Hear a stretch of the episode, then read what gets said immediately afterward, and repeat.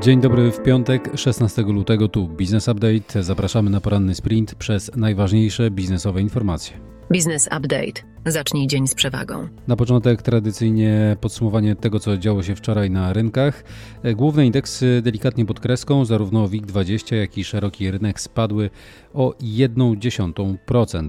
Wśród blue chipów najwięcej zyskiwały mBank i CD Projekt, najwięcej traciło PGE o ponad 5%.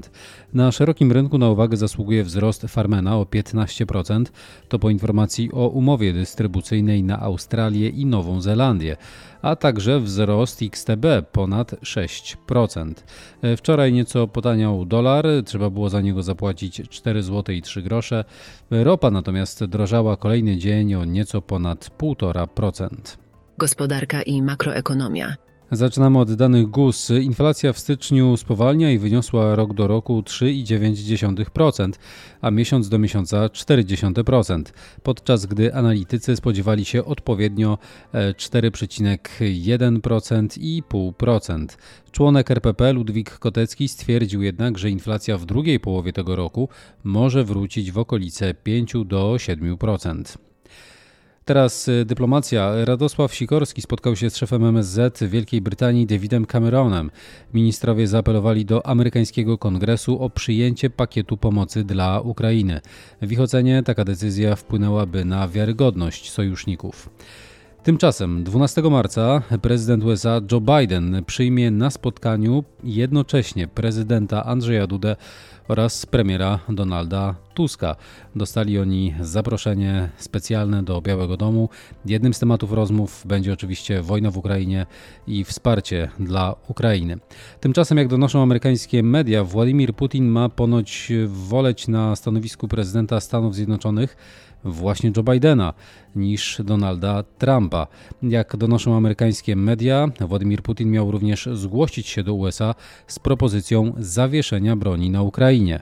Amerykanie odrzucili propozycję, nie chcąc rozmawiać za plecami Kijowa. Zgodnie z propozycją Putin miał zachować okupowane terytoria.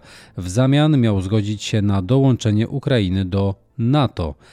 E, tymczasem całkowity koszt odbudowy Ukrainy wzrósł do 486 miliardów dolarów w ciągu dekady. Tak szacuje Bank Światowy. Jeszcze jeden wątek dyplomatyczny. Otóż Demokratyczna Republika Konga protestuje przeciwko zacieśnieniu współpracy Polski i Rwandy, zwłaszcza w dziedzinie zbrojeniowej, po wizycie prezydenta Dudy właśnie w Rwandzie. W Kinszasie trwają demonstracje przeciwko Polsce i innym krajom, oskarżając rwandyjskich rebeliantów z ludu Tutsi o przymusowe opuszczanie domów setek tysięcy ludzi na wschodzie kraju. Demokratyczna Republika Konga nazwała Polskę dwulicowym krajem, a MSZ zapowiedziało konsekwencje za nieobyczajne i celowe działania rządu. W międzyczasie trwa eskalacja ofensywy rwandyjskich rebeliantów. Teraz ciekawa informacja z Niemiec. Firma RWE demontuje dużą farmę wiatrową w nadrenii północnej Westfalii, by odblokować dostęp do zasobów węgla brunatnego i zbudować tam kopalnię. Protestują aktywiści klimatyczni, ale decyzja jest zgodna z ustaleniami niemieckiego rządu. Koncern RWE argumentuje, że obecny kryzys wywołany wojną na Ukrainie zmusza do powrotu do węgla. Informacje biznesowe. PLL LOT prognozuje zysk netto za 2023 rok na rekordowym poziomie miliarda złotych. Zgodnie ze strategią ogłoszoną w październiku 2023, LOT ma do 2028 roku osiągnąć 17 miliardów złotych przychodów i 540 milionów złotych zysku. LOT zrealizował również spłatę pierwszej transzy pożyczki w wysokości 450 milionów złotych, a spłaty pozostałych trzech rat po 450 milionów złotych zamierza dokonać w przeciągu trzech lat. Biedronka uruchamia sprzedaż towarów spożywczych online. Dostępne jest 4000 produktów, m.in. nabiał, mięso, napoje i pieczywo. Zakupy online możliwe będą w większości dzielnicy Warszawy, a najszybszy czas dostawy to 2 godziny. W ramach usług e-commerce sklep internetowy sieci na platformie Glovo będzie nadal działał w ponad 70 miastach. Komarch w wyniku przeglądu projektu R&D zdecydował o zaprzestaniu prowadzenia Wszystko.pl, który w założeniu miał być platformą konkurencyjną do Allegro. Stworzona w ramach projektu Wszystko.pl technologia zostanie wykorzystana w innych rozwiązaniach grupy Komarch. W ramach, w ramach Marketplace Wszystko.pl klienci mogli nabywać produkty z takich obszarów jak dom i ogród, elektronika, motoryzacja, moda czy artykuły dziecięce. Orlen, Syntos Green Energy i lokalny oddział koncernu Hitachi podpisały memorandum o współpracy przy projekcie budowy reaktorów jądrowych BWRX 300. Współpraca spółek dotyczyć będzie pozanuklearnej części projektu i ma obejmować m.in. produkty i systemy dla energetyki wytwórczej, także rozwiązania i usługi IT, w tym systemy typu zarządzania majątkiem organizacji. Elektrokable Group, ukraiński producent kabli, otwiera fabrykę w Polsce. Produkcja ruszy w drugiej połowie tego roku, a spółka zainwestuje 60 milionów złotych oraz zatrudni ponad 140 osób. W tym celu spółka wynajęła prawie 12 tysięcy metrów kwadratowych w CT Park Zabrze, opisuje Puls Biznesu. Fuzje i przejęcia, inwestycje i venture capital. Fundusz Private Equity Innova Capital objął pakiet mniejszościowy w spółce Cloudflare, specjalizującej się w dostarczaniu usług chmurowych oraz działającej w sektorze kosmicznym. Action nabyło 60% udziałów w PDS Care zajmującym się obrotem artykułami medycznymi i rehabilitacyjnymi skierowanymi przede wszystkim do osób starszych.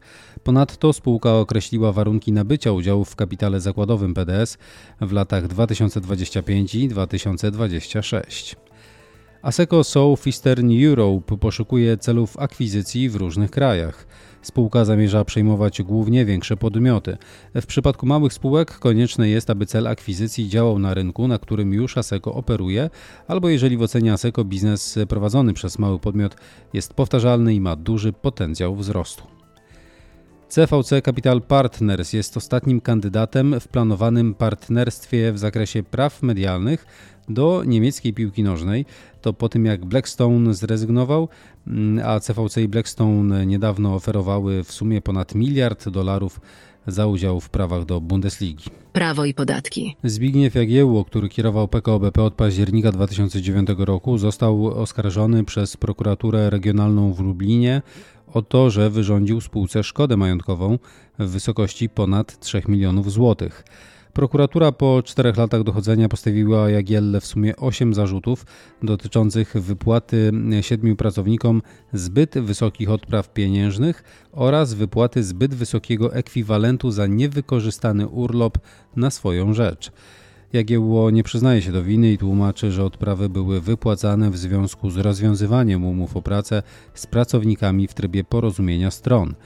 Zainteresowany opublikował odpowiedź, w której odrzuca stawiane zarzuty i stwierdza, że nie jest zaskoczony, bo środowisko byłej władzy od dłuższego czasu szukało na niego haków. Fortim Investments Limited nie otrzyma od Mariusza Świtalskiego, twórcy takich marek jak e, Eurocash, Biedronka, Żabka czy Małpka Express, żądanych w procesie 80 milionów euro. To ponieważ Sąd Okręgowy w Poznaniu oddalił powództwo o zapłatę tej kwoty z tytułu inwestycji w spółkę Małpka SA. Sąd ustalił, że postępowanie Fortim wobec Świtalskiego i powiązanych z nim spółek było świadomie nakierowane na uruchomienie roszczenia o zapłatę z tytułu udzielonej gwarancji. Rząd zamierza dofinansować ze środków unijnych realizację przydomowych elektrowni wiatrowych. Program Moja Elektrownia Wiatrowa ma być finansowany z Funduszu Modernizacyjnego. Jego budżet ma wynieść 400 milionów złotych. Rząd nie zamierza zmienić terminu wejścia w życie przepisów o patodeweloperce. Inwestorzy muszą zatem szybko dostosować swoją działalność do nowych wymogów. Zaczną one obowiązywać od 1 kwietnia. Projekt ustawy w sprawie wakacji kredytowych będzie obradowany przez rząd na posiedzeniu we wtorek 20 lutego. Donald Trump stanie przed sądem już 25 marca w sprawie zapłaty za milczenie w trakcie kampanii wyborczej w 2016 roku. Wydarzenie to stanowi precedens, ponieważ po raz pierwszy były prezydent USA zostanie postawiony przed sądem w sprawie karnej. Proces może trwać około 6 tygodni. Dane i badania rynkowe. Ceny w sklepach detalicznych wzrosły średnio o 4,8% w styczniu tego roku, wynika z raportu UC i Research. Średnia wartość koszyka zakupowego wzrosła o nieco ponad 4% do 285 zł i 2 groszy. 45% instytucji finansowych inwestuje w rozwiązania oparte o generatywną AI, wynika z raportu EY, co drugi badany podmiot ma to w planach. 55% ankietowanych Polaków deklaruje regularne oszczędzanie pewnych kwot, wynika z badania Santander Consumer Banku. 29% uczestników badania zgromadziło poduszkę finansową w wysokości jednego wynagrodzenia. 61% ankietowanych dyrektorów finansowych firm oczekuje większych wpływów w tym roku, wynika z raportu Deloitte. 39% przedsiębiorstw zamierza w tym roku wydać więcej na inwestycje. To tyle w tym wydaniu podcastu Business Update. Więcej informacji w naszej prasówce. Można się na nią zapisać na businessupdate.pl.